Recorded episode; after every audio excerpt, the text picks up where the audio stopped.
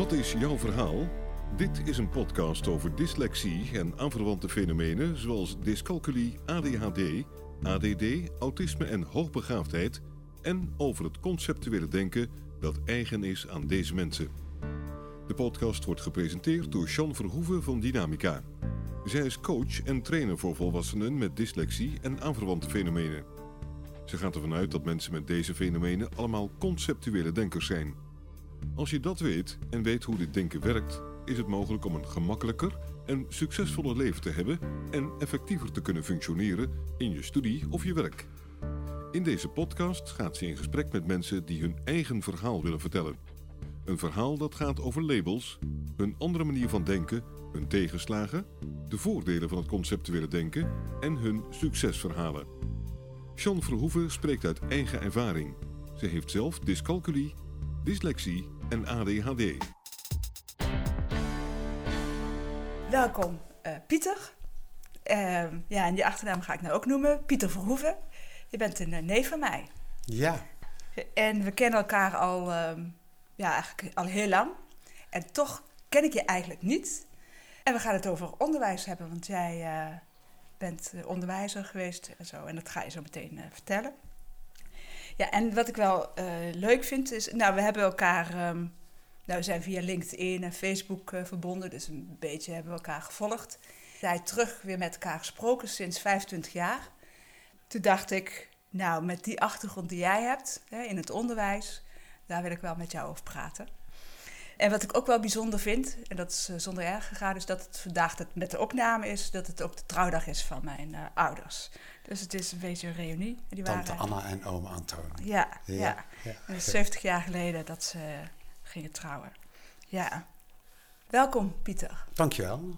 Wil je vertellen wie je bent? Oké, ja, Pieter, Pieter Verhoeven. Ik ben mijn leven lang naar school gegaan. In alle mogelijke rollen als kleuter, leerling, ja, middelbare school. En, en daarna ben ik in het onderwijs gaan werken. Ook in alle mogelijke rollen. Ik ben begonnen als leraar in Veghel, hè, jouw geboorteplaats. Ehm, leerkracht, onderwijzer, ja, noemden we dat toen nog, want het was vlak voor de samenvoeging van eh, kleuterschool en lagere school, dat werd basisschool. Ik ben een aantal jaren leraar geweest, maar ik had ook wel interesse in ja, onderwijsontwikkelingen. Dus ik ben ja, adjunct-directeur geweest, interne begeleider. En toen kreeg ik de kans om in Veghel, in een nieuwe wijk, een nieuwe school te starten. Met een eigen concept. En dat is ja, een van de mooiste dingen die ik in mijn loopbaan heb ja, mee mogen maken. Want met, samen met ouders en leerkrachten zijn we die school gaan ontwikkelen. Eerst het concept en toen is het gebouw gebouwd om dat concept heen. Dus een mooie ervaring, heb ik een jaar of tien gedaan. En toen ben ik onderwijsbestuurder geworden, ook een jaar of zes. Daarmee kwam ik weer iets verder van ja, het, het primaire proces afstaan. Daarna ben ik eigenlijk voor mezelf begonnen. Eh, van alle dingen die ik geleerd had in het onderwijs, ja, daar wilde ik op mijn eigen manier vorm aan geven. Dus ik, ik had mijn eigen bedrijf, Pieter Vroef, Verbinder in Onderwijs. En ik heb ja, interimwerk gedaan op scholen die ja, vreselijk in de knoei zaten en waar iemand moest komen die ja, weer even oog had voor de mensen.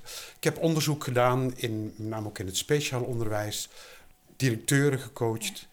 Dat is een beetje wat ik in de laatste fase van mijn loopbaan eh, gedaan heb. Dus ja, heel veel rollen. Eh, ik ben nooit officieel met pensioen gegaan, want dat doe je niet als je een eigen bedrijf hebt. Ja. Maar geleidelijk aan heb ik wel mijn werkzaamheden eh, afgebouwd. En op dit moment kom ik nog af en toe op scholen op vraag van een directeur die een, hè, een benen op tafel gesprek wil hebben van hoe gaat het nou eigenlijk eh, en waar loop ik tegenaan. Een enkele keer coach ik nog wel iemand en ook daarbuiten eh, coach ik ja, ook mensen. Maar dat is ja, kleinschalig. Ja. Dus ik heb nu Ja. heel veel tijd om in, in, de, in de tuin te werken en eh, in het sociale leven ja, mooie dingen te doen. Ja, ja, ja, leuk. Wat ik leuk vind om vandaag ook naar te kijken is naar die geschiedenis van het onderwijs. Ja, het, het raakt me ook wel als je vertelt dat je toen al bezig was met een speciale manier van onderwijs. Terwijl en dat het eigenlijk al zoveel is waarvan ik niet eens weet, ja, nou, dat ik niet eens wist dat het was.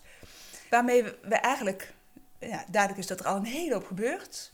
Terwijl er nog zoveel ellende is. Eh, nou, daar gaan we het over hebben. Ja. Ja, Nou, er is heel, veel gebeurd, maar ook heel veel herhalingen. En ik heb eh, in mijn loopbaan veel pogingen gedaan om dingen, laten we zeggen, eh, te veranderen, in, eh, om in een andere stroom te komen. En ja, het is, de praktijk is heel weer barstig. Als je realiseert dat het onderwijssysteem eigenlijk gebaseerd is op de overgang van het landbouwtijdperk naar het industriële tijdperk. En dat we nog steeds Ja. ja, het onderwijs vormgeven zoals dat in die tijd ging. En, en dat veel pogingen om dat te veranderen, ja, dat die steeds weer stranden, dat er veel weerstand is. En er, er zijn natuurlijk, er gebeuren mooie dingen en er is veel Ja. veranderd. Maar wat, wat maakt het nou dat het zo moeilijk is? nou, goed, ik ga even terug naar dus Ja. die, die, eh, het, het- waar het onderwijssysteem op gebaseerd is. Hè. Je kunt het zien als een soort lopende band. Hè. Uit die tijdperk stamt het. Het kind gaat er als vierjarige, inmiddels al als tweejarige eh, op een kinderdagverblijf, gaat op die lopende band. En er zijn mensen eh, aan de band en die, die doen daar wat mee. En een kind gaat van groep 1 naar groep 2 naar groep 3. Als je niet goed genoeg bent, niet goed genoeg in het systeem past, dan rol je van de band af en dan ga je naar een speciale school, speciaal onderwijs. En er zitten een aantal aspecten aan die nog steeds gelden en vastgehouden worden. En eh, het is zo moeilijk om die band gewoon stil te zetten en te zorgen dat er een, ja, dat er een ander systeem komt waarin kinderen veel beter gedijen. Waarin niet alleen maar gekeken wordt naar je leerprestaties. Ja. Eh, jij kunt dit en ja, of jij kunt dit niet goed genoeg, maar dat naar het totale kind gekeken wordt. Ja. Waarbij ook veel meer oog is voor de ontwikkeling van het totale kind, maar ook wat hebben we nou nodig in onze samenleving? We hebben Ja, kinderen nodig ja. die goed kunnen samenwerken, die creatief zijn, die buiten de lijntjes durven en kunnen kleuren. Ja. En nog altijd gaat het om rekenresultaten, Ja. taalresultaten, ja, volgens de klassieke school. En, Ja. en dat, ja, dat vind ik al een, dat is een moeizaam proces. En terugkijkend, blij dat ik daarin heb mogen werken en een bijdrage heb mogen leveren. Maar uiteindelijk ja, heb ik ook heel veel pogingen zien stranden om het fundamenteel te veranderen. Strandt het omdat er onbegrip is? Strandt het omdat het strandt? Ehm, nou, er is, kijk, leraren ken ik als hardwerkende mensen, doorgaans met een groot hart voor kinderen, eh, die ook echt wel bereid zijn om ja, mee te ontwikkelen. Maar het systeem is hardnekkig en de, eh, laten we zeggen, de partijen die aan de touwtjes trekken, die geven niet zoveel ruimte. Kijk, de de overheid heeft een aantal keren het iets meer losgelaten, ja, en dan vijf of tien jaar later, dan wordt het weer teruggepakt. Want dan zijn, ze, dan zijn de, de, hè, de inspectierapporten zijn niet goed. De onderwijsresultaten vergeleken met andere landen zijn niet goed genoeg. En dan komt er weer een impuls. Dat wordt van bovenaf gedropt. Vaak wordt ook nog gezegd, en dat moet dan zus en zo. Ja. En leraren zijn dan verworden tot uitvoerders. Ja. Terwijl docenten, dat zijn de professionals. Ja. Geef ze vertrouwen, Ja. geef ze ruimte om te doen voor kinderen wat. Natuurlijk, als je eh, vertrouwen en, en eh, werkruimte krijgt, hoort daarbij dat je verantwoording aflegt over wat je doet. Ja. Dat willen leraren ook. Maar keer op keer wordt die ruimte teruggepakt of weer kleiner gemaakt. En dat betekent ook dat, dat ik ook best veel goede docenten uit het onderwijs heb zien vertrekken, omdat ze niet meer Ja. ja, steeds aan de leiband willen lopen of klein gehouden willen worden. En ja, dat verkleint toch wel de, de kansen om tot een fundamentele verandering te komen. Ja. ja. Eh, Verschillende invalshoeken van het onderwijs eh, gedaan. En het is natuurlijk mooi als je hè, iemand hebt die gewoon alles doorlopen heeft en daar ook naar kan kijken. En een tijdje terug bij mij eh, was, toen hadden we het ook over dat conceptuele denken en wat is dat nou? Ja. En want ik weet nog dat we 25 jaar geleden eh, wel eens er ooit over spraken. En ik, ik hoor je nog zeggen van nee, dyslexie zit niet, eh, dat hebben we niet. En mijn kinderen ook niet. Ik weet niet of ik dat nog zeg, maar een dochter had dan wel dansende letters. En toen dacht ik, ja, ja vertel mij wat. Maar nee, er was geen dyslexie. en ehm, nou, toen kwam je pas bij mij binnen en je komt binnen. We hebben elkaar 25 jaar niet gezien. En je begint met praten en je begint met doen zonder... Je krijgt niet de tijd om te vragen of je iets wil drinken. Nou, toen vroeg je aan mij van, goh, hoe zit het nou met het conceptuele denken? Ik zeg, nou, zoals jij doet. we beginnen alsof we twee dagen geleden is dat we elkaar gesproken hebben. En we gaan gewoon verder eh, met wat het nu is, zonder Ja. de inleiding, afstemming en dat soort dingen. Ja, ja, jij was ook wel even confronterend toen je dat zo terug, teruggaf. En, ja, en je hebt gewoon gelijk. Het- Ja. ja. Ja, goed, als, als ik naar mezelf kijk, hoe ik naar de dingen kijk of hoe ik dingen aanpak, ja, dan zit dat, ja, dat conceptuele denken en die overhand van de rechter hersenhelft, ja, dat zit er zo, ligt, ja, dat ligt er zo dik bovenop. Ja, ja, Ja. ja. Vervolgens ben je ons boek gaan lezen, Dyslexie, Stoornis of Intelligentie. Wat heeft dat ehm, je opgeleverd? Nou, mijn bezoek aan jou, het boek mee. En ben er ook gelijk ja, in begonnen. En voor een stuk was het ja, een bevestiging. Oh ja, ja dus dat, dat wist ik. En ik zie, lees het hier terug. Wat ik verder zag van dat ook een aantal gedachte theorieën ook, wetenschappelijk onderbouwd zijn, was ook heel mooi. Maar het gaf me ook weer nieuwe inzichten. Bepaalde verbindingen die ik nog ja, niet zo vanzelfsprekend gelegd had. Het eh, nodigde me uit om eh, er ja, om op, er opnieuw naar te kijken. En, ehm, ja, en zo kwam ik er ook op dat, ja, dat ik, ik werk met een van mijn, mijn, mijn kleinkinderen. Ik heb er zeven en ehm, op woensdagmiddag dan pas ik op drie van mijn kleinkinderen. En een van, van die drie, dat is zo'n eh, ja, zo'n klein slimmerik. En die perfecte linker hersenhelft eh, weet, hè, eh, daar de voorkeur heeft. Prachtige schoolresultaten. En in het systeem gaat hij hè, met de flow. En zijn jongere zusje, die liet een beeld zien waarbij ik eigenlijk wist van, nou hier is sprake van dyslexie, maar dan zal ik vertellen hoe dat het gaat. Kijk, in eh, het verleden, 25 jaar geleden, of, ja, spraken we er niet over dys- dyslexie, maar ja, niet goed kunnen leren of Ja. leerstoornis. Ik merkte op een gegeven moment, eh, met name in de periode dat ik directeur van de school was, kwamen kinderen in de onderbouw. Ja, en dat vonden we slimme kinderen en die deden het als kleuter goed en die begonnen in groep 3 en die pakten dat aanvankelijk leesproces goed op. Dan kwamen ze in groep 4, 5, 6. Hè, dat lezen ging minder vlot. Op het einde van de basisschool uit hè, met onderzoeken van, wow, er is toch sprake van dyslexie. Ja. Dus ik ben dat patroon gaan herkennen van kinderen die in de onderbouw, waar op een andere manier gewerkt wordt, hè, met kleuters nog, hè, en ook nog in het begin groep 3, het heel goed doen en dan valt het terug. En dat zag ik ook bij een van mijn kleinkinderen. Terwijl ik weet, het is gewoon een, een, een slim kind en ja, wel ook wel een conceptueel denkertje. Die resultaten op school, ja, die, die, die waren zo teruggelopen dat ik ook met mijn dochter over had. En nou, die werkt zelf in het onderwijs en ja, groot vertrouwen in kinderen. Van, nou, en ben, vind ik ook wat erin zit, komt er wel uit. Alleen, het zou jammer zijn als er een blokkade is waardoor zij niet laat zien wat ze eigenlijk kan. Of dat de omgeving, met hem ook leerkrachten, Ja. niet zien wat, ja, wat, wat ze in zich heeft. En het heeft effect op haar zelfvertrouwen. Ja, mijn broer, hè, die, die, die kan het heel goed. En ik kan dat niet. Ja. In een gesprekje met haar, vroeg, wat wil je, wat wil je straks worden? Ja, ik, ik wil ook juf worden. Ja? En naar welke school ja, ga je dan als je juf wilt worden? Ja, liefst naar de HAVO, maar ja, misschien kan ik dat niet. Hè? Zij weet wat ze wil. Ja. Ja? Ja. En toen ben ik met haar eh, gaan analyseren in gesprekjes, maar daar, ze- daar wilde ze zelf ook aan meewerken. Ehm, zit in groep 6. En daar zegt ook de, de juf van, ja, de schooltoetsen doet ze hartstikke goed. Alleen de CITO-toetsen, Ja. ja. die, die laten niet zien wat, wat ze kan. En ja, komt wel goed. Ik denk, oh, wacht even, hè. komt wel goed. Hè? Ja. En toen ben ik met haar gaan werken. En vooral om te kijken van, hoe denkt zij? Wat gebeurt er? Op enig moment ben ik ook tijdens het, een, een leesstukje tegenover haar gaan zitten. En toen ben ik eens gaan kijken, wat gebeurt daar nou? En die, die, die oogjes die flitsen op en neer. Ja. En Oh, ehm, ja. van de week las ik nog las een tekst voor me. En eh, in de eerste zin stond het woordje het en het woordje één. En in de tweede zin stond twee keer de. Zij leest de eerste zin en ze leest het woord de. Ja. Dus ik zeg, goh, kijk eens even goed, wat, wat staat er nou?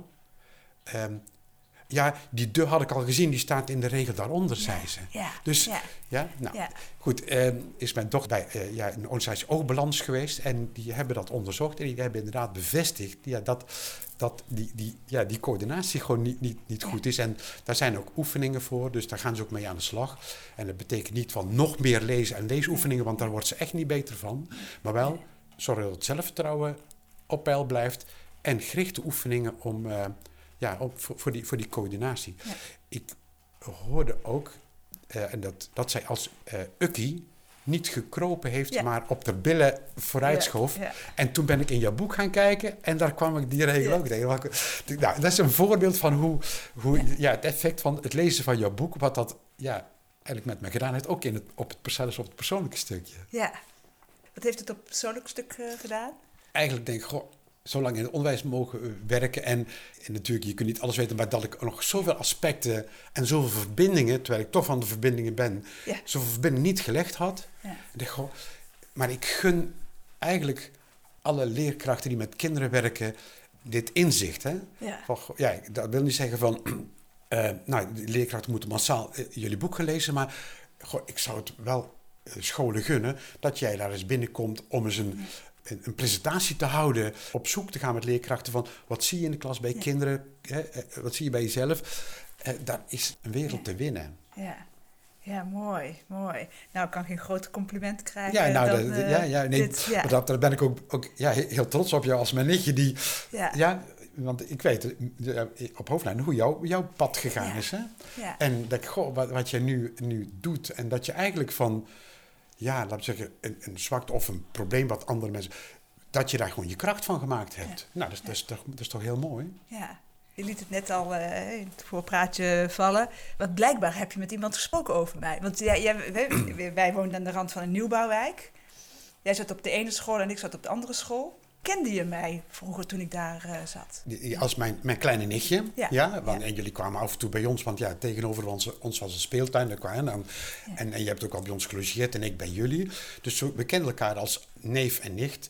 Ja, je bent een stuk jonger dan ik, dus dan ben je wel het kleine nichtje. Hè? Dus niet, niet dat we echt in die tijd speelden met elkaar, maar, Nee. hè, maar ja, we, we, we kenden elkaar. eh, en, eh, ik begonnen ben in het onderwijs, was mijn eerste baan als leerkracht op de Barkentijn, een school in Veghel-Zuid. Jouw jongste broertje, Gaurens, en jij, jullie zaten op de Brigantijn, dus een, een collegaschool. En leerkrachten van de beide scholen, ja, die, die hadden contacten met elkaar.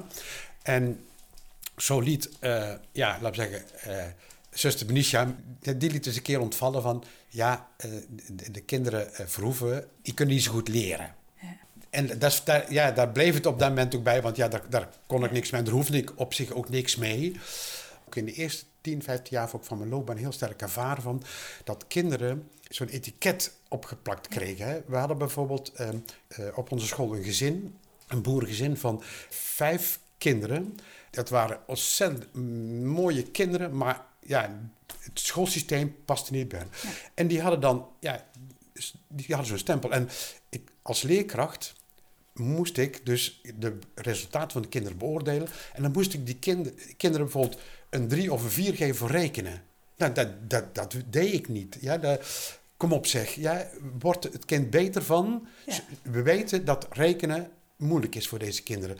Wordt het kind beter van doordat ik dan nog eens een keer een stempel op druk van... Kijk, je, hè, je hebt je best gedaan, maar toch krijg je een drie of een vier.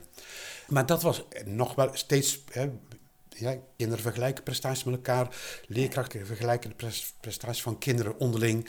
Dat speelt nog steeds wel. Maar ja, daarmee wordt wel een, een stempel gedrukt op een, ja, een kind en soms ook op een familie. Ja. En dat nemen die kinderen mee. Die zijn niet gek, die weten donders goed van hoe er naar ze gekeken wordt. Ja. En je hebt gewoon ja, bewezen hè, Ja. dat het heel anders in elkaar steekt. Ja, ja. Dat, je, dat je rekenen en taal in feite niet nodig hebt neer te zetten om je werk te kunnen doen. Ja, Ja. ja. Er is in het, in het onderwijs altijd nog een ja, grote nadruk ligt op eh, rekenvaardigheden, taalvaardigheden. En natuurlijk in de basis zijn die ook Ja. zeker niet onbelangrijk. Maar da- daarmee wordt er niet naar het totale Ja. kind gekeken. En zeker ook niet naar andere talenten Ja. die je in het leven minstens zo hard nodig hebt. Wat ik straks zei, leren samenwerken, het creatief denken. Ja, ehm, dat hebben we nodig voor de, ja, voor de wereld in de toekomst. Hè? Ja, ik moet dan denken, ik had pas eh, een, jonge vrouw geïnterviewd voor eh, het boek wat we aan het schrijven zijn. Eh, En die was 14 toen ze hier in coaching kwam bij mij. En eh, die stelde vragen. Nou, veel volwassenen nog niet eens stellen. Dus we hadden een hele gesprek. En ze zei, ik kom hier voor het snel lezen, moet ik van mijn moeder. Maar dat ga ik niet doen. En ik wil het met jou hier en hier over hebben. Nou, over hoe ga je om met vriendinnen, met allerlei vragen. En zij vertelde ook, ze kreeg allemaal vragen met problemen. Mensen die problemen hadden kwamen allemaal bij haar en ze loste het eh, op en ze legde verbindingen in de klas. Maar ze praten dus wel heel veel. Ik kreeg ook terug van leerkrachten, als jij in de klas bent, er is iets eh, mis, dan zorg je dat de hele klas meegaat. Nou, dus had een hele hoop talenten. Dat interview was twee jaar later. En toen vertelde ze me ook, ja, ik, ben, ik heb heel hard gewerkt om minder te praten en minder sociaal bezig te zijn. Ja, dan breekt mijn hart, want dan denk ik, ja, we hebben jou nodig in de maatschappij. Precies, precies. En dan denk ik, dat is het schoolsysteem. Nee, dat, dat afremmen van die kwaliteiten. Ja. En ik ben het er helemaal mee eens. En ik vind het ook vreselijk. Hè? Ik heb bijvoorbeeld geen Engels eh, geleerd en daar loop ik elke dag uh, tegenaan. Uh, ik vind ook dat we al die onderwijs moeten hebben, maar dat we er niet op afgerekend moeten worden. Ja, ja. Ja. Kijk, soms dan lijkt het, het met name het, het primair onderwijs, het afvoerputje waar alles wat ouders niet kunnen en niet in toekomen, of alles wat de maatschappij belangrijk vindt, wordt dan op het bordje van school gegooid. Hè. Dus pesten, nou, hè, school moet protocollen opstellen uh, om pesten tegen te gaan. Nou, zo, ja, even later komt er weer een inspectierapport en daar komt dan uit van, ja, taal en rekenen zijn dus onder het niveau. Hè, en dan willen we ons graag vergelijken met andere uh, uh, landen, landen in de wereld. Nog meer taalles, nog meer begrijpend lezen, nog meer rekenen. En daardoor zijn ook heel veel hele essentiële vakgebieden en ontwikkelingsgebieden in de knel gekomen. Ja. Um, bewegingsonderwijs is gelukkig wel weer een beetje meer in de belangstelling gekomen. Maar er waren scholen ja, waar kinderen nauwelijks nog in de gymzaal kwamen. Ja. ja er zijn heel veel vakgebieden, denk bijvoorbeeld aan het muziekonderwijs, ja, um, in de marge terechtgekomen, want wij moeten taal en rekenen. Doe je tekort aan kinderen met specifieke talenten juist op die terreinen, maar je doet ook tekort aan het kind in zijn totaliteit, want daarbij hoort bewegen, daarbij hoort op een creatieve manier naar oplossing bedenken, bijvoorbeeld in een handenarbeidwerkstuk. Of hè, ja. minister uh, Vriemer Onderwijs is, wie is maar, die komt dan met een... Ja, met, met een nieuw pakket ja, van ja. bovenaf. Er, ze gaan nu, op zich de, in, de aandacht voor het primair onderwijs vind ik prima hoor, maar de, dan komt er een heel pakket en nu gaan de professionals, die moeten nu de scholen in, het onderwijsniveau naar boven te halen. En tegelijkertijd hebben leerkrachten het bord vol. Ja. Ja, en, we hebben, en we hebben te weinig leerkrachten. Hè? Ja. Want door, door de wijze waarop ja, laten we zeggen, de overheid ook met het onderwijs omgegaan is, willen veel mensen gewoon helemaal niet meer in het onderwijs werken. Is het onderwijs niet aantrekkelijk? Een groot tekort aan goede docenten. Ja, ja nou, dan, dan zijn we weer in de marge iets aan het doen en weer van bovenaf opgelegd. Gaat niet werken. En dat is dan er zoveel. Ja, en ik word er niet moedeloos van. Ik zat wel te hopen van, nou, en nu, nu komt er een slag. En dan gaan we zeggen, ja, professionals, jullie aan het woord. Ja, jullie laten de les niet lezen. Jullie weten wat goed is voor kinderen. En blijkbaar zijn andere krachten toch steeds weer sterker geweest dan. Ja. ja om, om, en dan, daarmee wordt het systeem gewoon weer in stand gehouden. Ja. Met het, het gevolg, kinderen die niet in het systeem gedijen, ja. eruit kukelen. Ja. En je noemt uh, steeds buitenland. En dan denk ik, uh, ja, hoezo uh, buitenland? Naar welk land kijken we dan? Ik hoor regelmatig hè, dat ze in Scandinavië en Finland is daar een hele grote voortrekker om op. Die heeft het hele schoolsysteem een keer uh, omgegooid.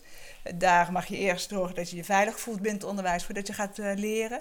dat je daar op niveau naar school gaat. Als je, niet kan, als je moeite hebt met rekenen, maar geschiedenis goed bent, dan ga je geschiedenis op uh, VWO-niveau doen en rekenen ja. op. Dan denk ik, oh. Dat ja, ja. ja. Waar, waarom kijken we daar niet naar? Waarom heb, Nederland heeft toch, is toch een land met ja, ja, ballen. Hè? Dan, we, we, zijn een klein landje, dus we kunnen toch alles ja. maken. Waarom kijken we... Weet ja. jij waarom we niet naar dat land kijken? Ja, we kijken daar wel naar. Maar het zijn, uh, laten we zeggen, de verschillende eenheden, uh, krachtenvelden die daar naar kijken. Kijk, de overheid kijkt graag naar landen hoge schoolprestaties hebben. Ja? Dus er is zo'n ranglijst hè, en dan ja. staan we, ja, vindt men dan te laag op die ranglijst als het gaat om schoolprestaties. Ja. Onderzoekers en uh, dus wetenschappers, maar ook uh, overheden kijken daarnaar. Veel onderwijsmensen kijken juist naar hoe gedijen kinderen ja. goed. En, en onderwijsmensen kijken naar Denemarken, naar Scandinavische landen, in Engeland deels hoor dus daar zijn ook prachtige voorbeelden hoe naar het totale kind gekeken wordt en waar kinderen dus beter in gedijen. Dus daar wordt wel naar gekeken, maar het zijn andere ja. krachtenvelden. Ja, ja. Dus die twee komen eigenlijk naast elkaar voor. Er zijn heel veel studiereizen geweest naar Scandinavië, waar heel veel leerkrachten, directeuren en onderwijsbestuurders geweest zijn. Kom je terug in de, ja. in de praktijk en ja, om dan ook je school op die lees te schoeien, Ja. ja. dat doe je niet van vandaag op morgen. Nee. Hè, dat doe je dan weer samen met, met ouders. En dan zijn er weer die krachtenvelden, die instanties, hè, de inspectie die dan weer eh, Ja. aan het Ja. belletje komt trekken van... Hey, je kan van alles willen, maar de prestaties zijn niet goed genoeg. Een heel, heel concreet voorbeeld. Hè. Er was een. Ik ken een, een school in, in Veghel en die, die waren eh, echt met, met hele mooie onderwijsontwikkelingen bezig. En eh, gemotiveerd team van leerkrachten. En dan wordt er naar onderwijsprestaties gekeken. Concludeert de directeur van, oh, wacht eens even. Ja, de inspectie en, en mijn bestuur trekken aan de bel. Dit gaan we dus niet meer doen. Dus we gaan weer een stap terug naar het, ja, naar het, naar het oude systeem. Ja. En leerkrachten, geef ze ook de ruimte en geef ze vertrouwen. En kijk niet dus, niet dus alleen naar cognitieve prestaties of, of eh, resultaten van rekenen en taal, maar kijk ook gedijde kinderen goed. Hè? Tevredenheid bij Ja. kinderen, tevredenheid bij ouders over hun kinderen.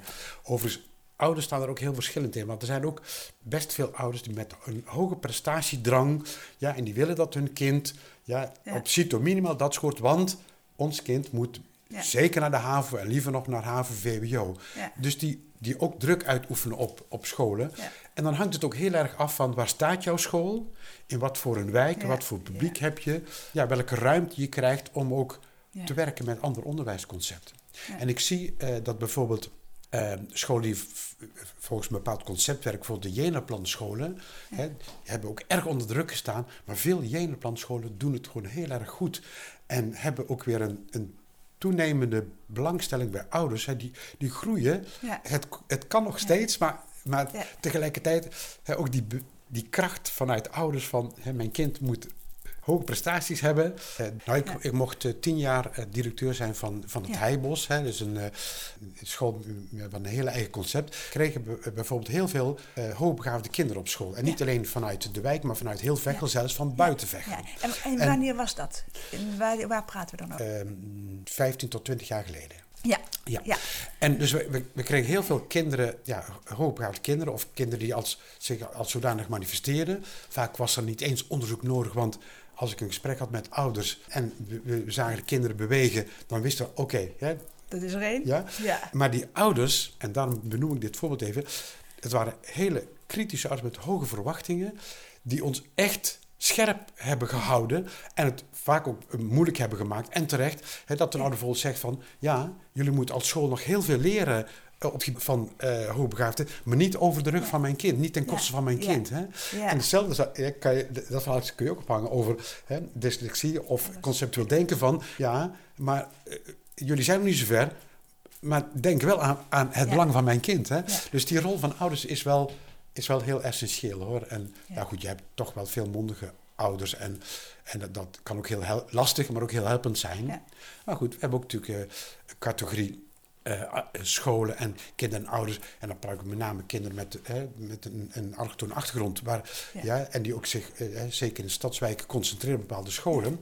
En waar gelukkig ook veel leerkrachten zitten met een groot hart voor kinderen. Maar waar die, die druk niet vanuit ouders komt. Hè. Ja. Die, die berusten toch ook vaak in van, nou ja, zo gaat het. En hè, school is aan school en niet aan ons als ouders. En, ja. Ja. Want je kent ook al dat voorbeeld van die, die, die, eh, dat programma uit, hè, van klassen. eh, Ja, die hebben in Amsterdam gemaakt. En, en eh, Moorman, hè, de wethouder, die zich daar heel sterk van maakt. Fantastisch, hè? Ja. Ja. We gaan even naar de geschiedenis van dyslexie. Want eh, er wordt altijd gezegd, ja, toen bestond het nog niet. Eh, ehm, hoe kan jij een beetje uitleggen hoe die geschiedenis nou ging? Wanneer wisten jullie van dyslexie? Wanneer werd het echt benoemd?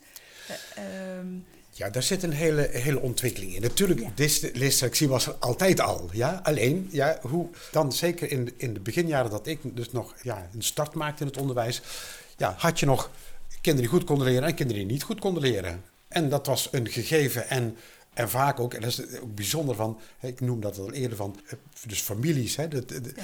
ja, families van ja, gezinnen waar kinderen gewoon niet goed konden leren. Soms, soms binnen gezin wel, ook wel weer verschillen. Ja. Maar we, we, spraken niet over een leesdefect of een lees, ja, nou ja, leesprobleem. Ja, die, die, die, dit kind kan het, kan het gewoon niet zo goed en het zal nooit een goede lezer worden. Klaar. Ja, Ja. klaar. Dan blijf je wel die, als leerkracht je best doen. Maar that's it. Ja? En Ja. er kwam natuurlijk geleidelijk aan meer eh, onderzoek. En ja, meer kennis. En ik gaf je het voorbeeld van hè, hoe ik eh, in de tijd dat ik directeur was, kinderen herkende van. Oh, hè, dat ik ook tegen leerkrachten zei, eh, kind, leerkrachten in groep 3, 4 van. Oh, dit patroon. Alert, hè. hier kan sprake zijn van een leesdefect. En later gingen we dat ook dyslexie noemen. Dus dat was ook, ehm, ja, het zelf ook uitvinden, zoeken. En er werd er wel af en toe over geschreven, maar dat stond nog niet zo in de belangstelling. En, en, en nog even, voor de, misschien is het wel helder, want ik in de jaren 70. Ja, ja. Toen hanteerden we de term dyslexie nog niet. Of, ja, of je, laten zeggen, buiten het onderwijscircuit al wel bestond, weet ik niet. Ik weet niet hoe lang de term al bestaat. ja, heb je, uh, heb je er, had je er toen al ooit van gehoord? Nee, in, in het begin niet. Nee, ook nooit in opleiding. Of, dus die, die term uh, werd niet, uh, niet gebezigd. En ook binnen, binnen de school, scholen waar ik werkte niet. Nee. Ja, later, en dan praten we toch over laten we zeggen, sinds 1990 zo, hè, dus het laatste decennium van, van de vorige eeuw, hè, dat, daar, de, ja, dat de term opkwam. En ja, dat er ook onderzoek naar gedaan werd. En, en dat we ons ook realiseerden van oké, ja, nou, wij hebben ook deze kinderen. En dan ga je ook kinderen herkennen.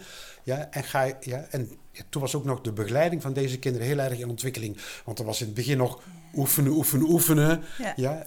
Nou, kijk, dan komen we na het jaar 2000 een hoos wordt en waar ook, ja, en, dat, en zo werkt dan het systeem, ja, dan is er dus sprake van, kan sprake van dyslexie. Dan gaan mensen zich eh, eh, toeleggen op het onderzoeken en vaststellen van dyslexie.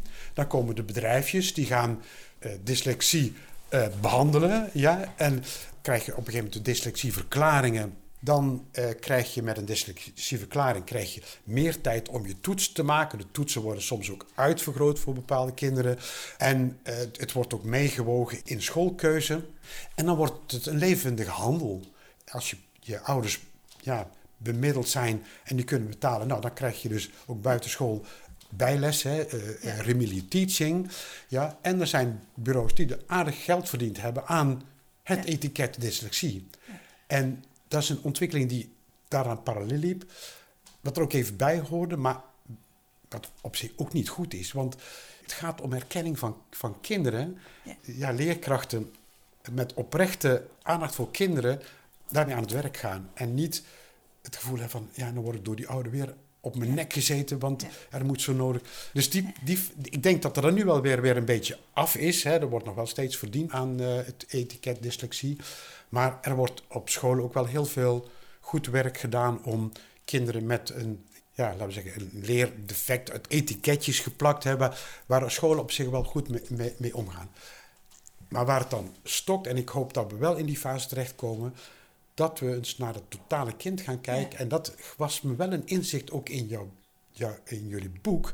Die verbinding van dyslexie, dyscalculie en het, het conceptueel denken. Dat we ons veel meer daarop gaan richten. Dat, en ja. zou het mooi zijn als we dat etiketje niet meer nodig hadden. Ja, ja, ja. Maar goed, ja. in die ontwikkeling zitten we en daar is, daar is nog best wel een weg te gaan hoor. Ja. Ik denk, is het onderwijs er klaar voor, voor um, die manier van kijken? Daar zijn veel scholen en veel docenten en directeuren ja, die staan te popelen om ja, dat opnemen in een, in een onderwijsconcept. Uh, maar ook daar is dan weer steeds die tegenbeweging of ja. we willen vast blijven houden aan het, het systeem. Uh, en straks moeten, zoveel procent van de kinderen moet straks naar de HAVO-VWO, ja. want anders hebben wij het niet goed gedaan. Ja. Ook in de ogen van de ouders niet. En het zou zo mooi zijn als we het onderwijssysteem beter in zouden kunnen richten om ook juist die kinderen, de beelddenkers of eh, conceptuele denkers, ja, ons onderwijs vorm te geven dat die, die, die ook veel beter gedijen. Maar ja. dan hebben we het wel over een ander curriculum. Ja. Hè? Dan hebben we het over talentontwikkeling. Dat kinderen die, eh, als het gaat om bewegen, als het gaat om eh, muzische talenten, als het gaat om creatieve talenten, of als het gaat om talenten om dingen met je handen te doen, eh, dat daar ook ja, ruimte voor is. Maar het is nog altijd zo, kinderen die meer in hun hoofd zitten, hè, dat vinden we dan de kinderen voor HVWO. En kinderen die ja. Uh, ja. meer beter zijn met hun handen. En daarmee maken we al een schifting. En dat is natuurlijk onzin. Hè? Er ja, zijn mensen, begaafde mensen, die uiteindelijk gekozen hebben voor, om iets te doen met hun handen. En niet om dat etiket van jij bent goed en jij gaat naar HAVO en jij kan het niet zo goed. En dat een school op die manier naar talenten van kinderen kijkt. Ja. Dat, is, dat, is wel, een- Ja. dat is wel een droom. Ik lever niet concreet een bijdrage weer, maar dat is wel een, een droom die ik Ja. voor ogen houd en die ik ook echt alle kinderen gun. Kinderen met andere talenten dan de specifieke schoolse talenten als eh, rekenen, eh, lezen, spelling. Ja. Ehm, we hebben- je, je noemde net al Jeneplanschool, hè, die toch even anders kijken. Is daar een sterk iets in te vinden? Ehm, Kijk, de, de traditionele vernieuwingsscholen, hè, de Montessori, de Jena-plan, hè, zijn er nog een aantal, nou, die, hebben vaak ook, vinden nog steeds wel vormen om een breder palet te bieden. En daarnaast heb je ja, traditionele scholen in de zin van traditionele onderwijsconcept. Hè? Dus nog werken met klassen, met, hè, met, met leerjaren, met eh, afgebakende stof per leerjaar. Daarnaast onderwijskolommen als eh, christelijke scholen, je hebt openbare scholen, je hebt katholieke scholen, interconfessionele scholen. Daar zie ik niet zo sterk een onderscheid in voor eh, kinderen met andere talenten.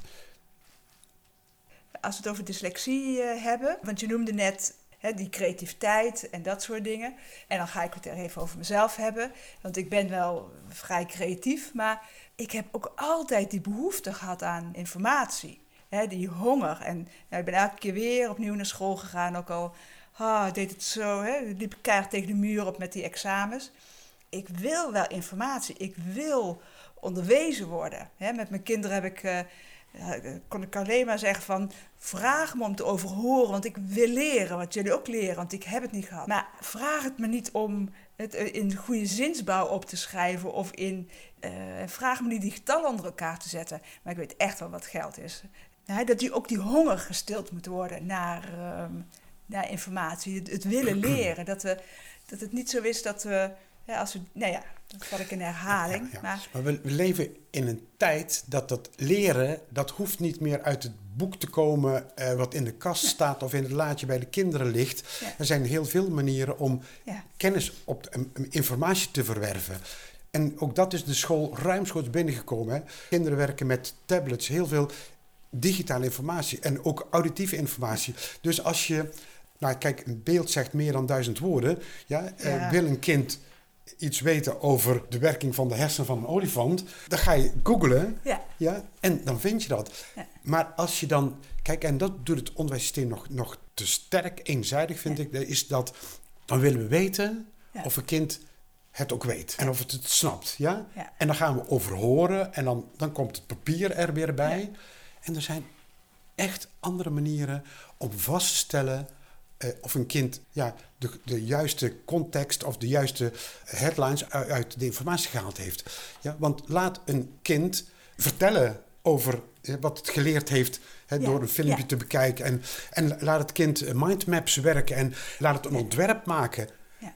Als we het op de keper beschouwen, leerkrachten weten, die kennen hun kinderen heel goed. Ja, Die hebben die toetsen helemaal niet nodig. ja precies. Om, ja, Ja, dan- en daar, ja, dat zou mooi zijn als we ja, daar wat meer, meer van af zouden komen. Want ook daarmee zeggen we steeds van, en jij zit daar, en jij zit daar. En als jij daar zit, en dan weet een kind, een kind weet best ja, welke Ja. kinderen goed zijn in rekenen. Welke Ja. kinderen goed zijn in de gym. Want die zijn over het algemeen heel populair.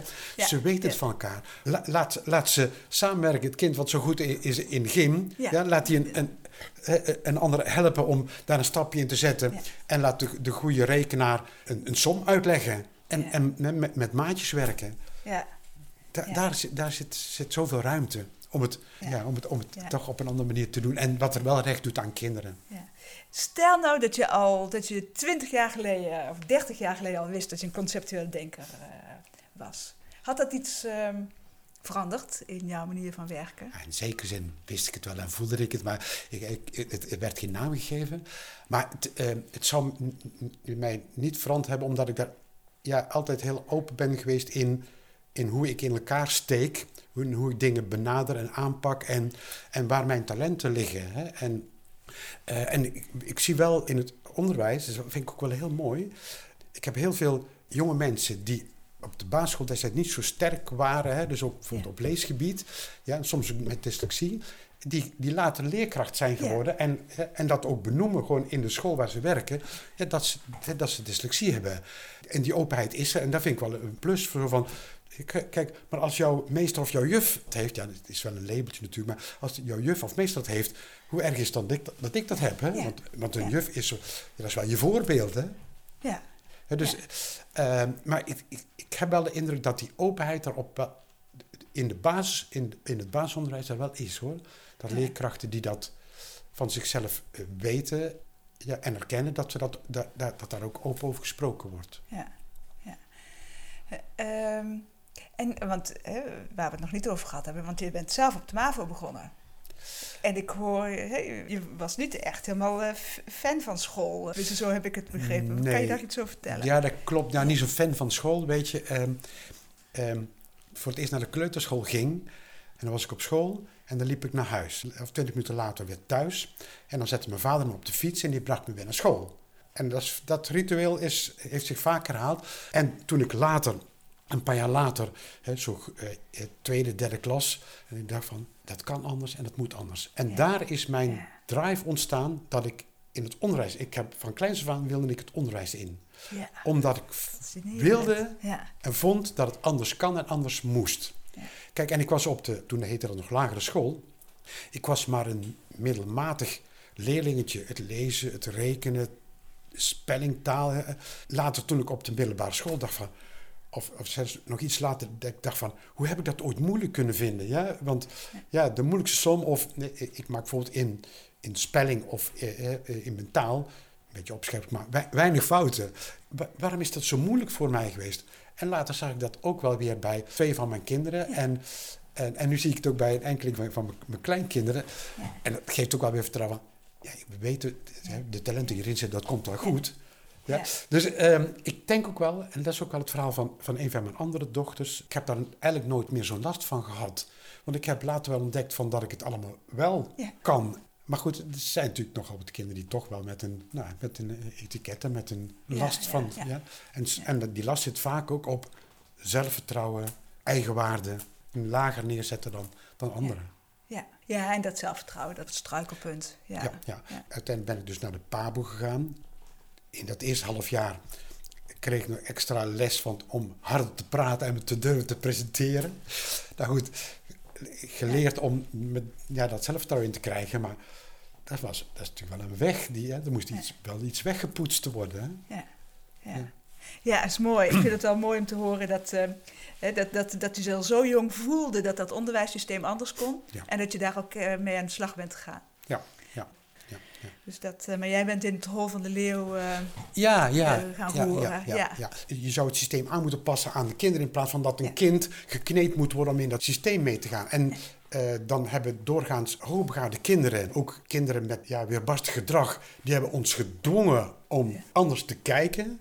Zo van, ik kan dat niet en ik maak me klein, ja, ik Ja. niet opvallen. Daarmee niet het systeem of de mensen van het systeem dwingen om het anders Ja. te gaan doen. Het bij zichzelf neerleggen. Ja, Ja. dat ligt aan mij. En eh, gekwetst de school verlaten. Hè? ja. En ligt het aan hun? Ligt niet aan de kinderen. Nee, nee, zeker niet.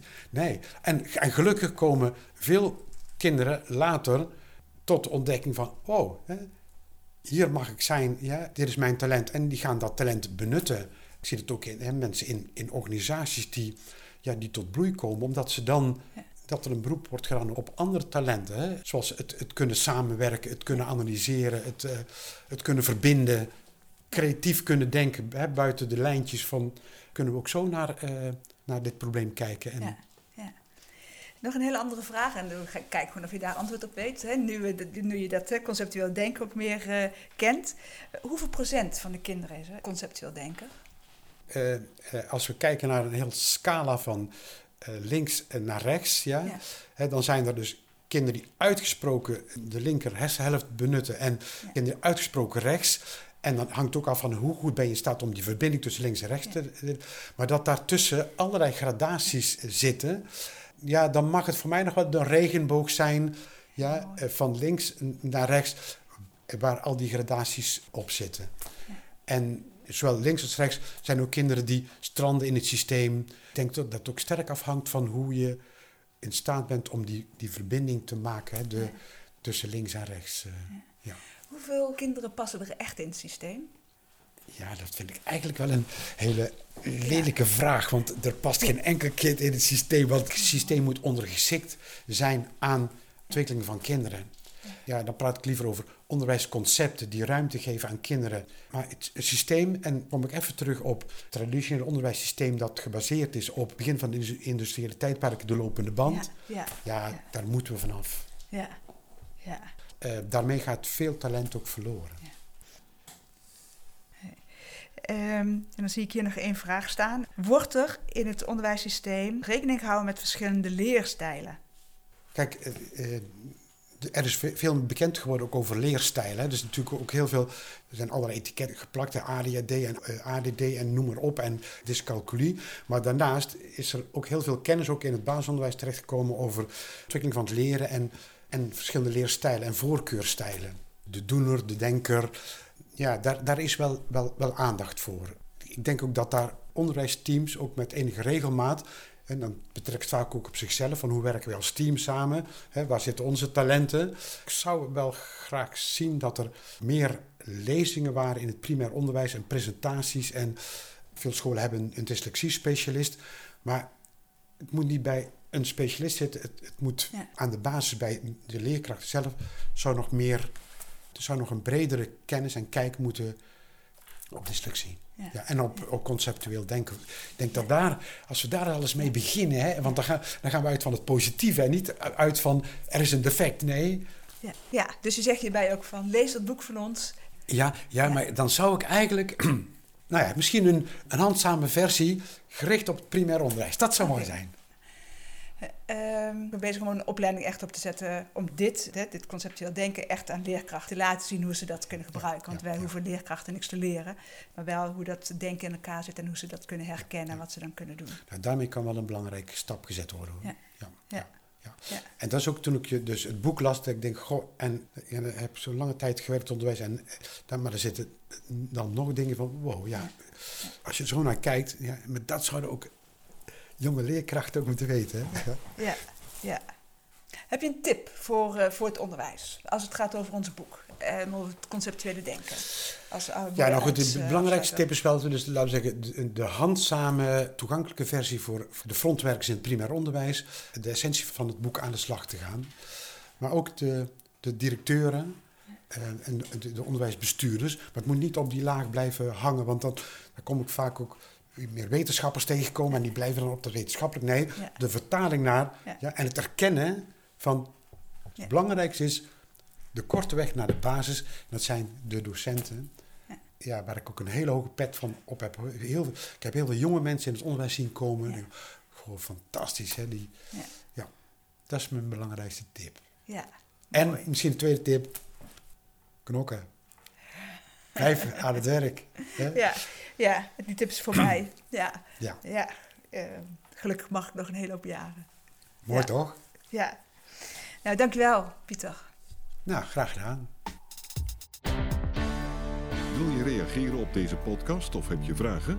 Stuur dan een mail naar podcast.dynamica.nl. De reacties zullen worden meegenomen in volgende podcasts. John Verhoeven geeft coaching, workshops en trainingen. Wil je meer informatie? Kijk dan op www.werkendyslexie.nl of www.geniaaloprechts.nl of bel 020 639 1099 020 639 1099. Jean Verhoeven heeft twee boeken geschreven over dyslexie, Slimmer dan je baas en Dyslexie, Stoornis of Intelligentie. Deze boeken zijn te koop in elke boekhandel. Stuur de podcast door naar iedereen waarvan je vindt dat ze meer zouden moeten weten over dyslexie, ADHD, ADD, dyslexie, dyscalculie, autisme en hoogbegaafdheid en het conceptuele denken. Deze podcast is gemaakt in samenwerking met Marcel de Hoog van Storytelling Media. Hij verzorgt de technische, redactionele en morele ondersteuning. Tot de volgende aflevering.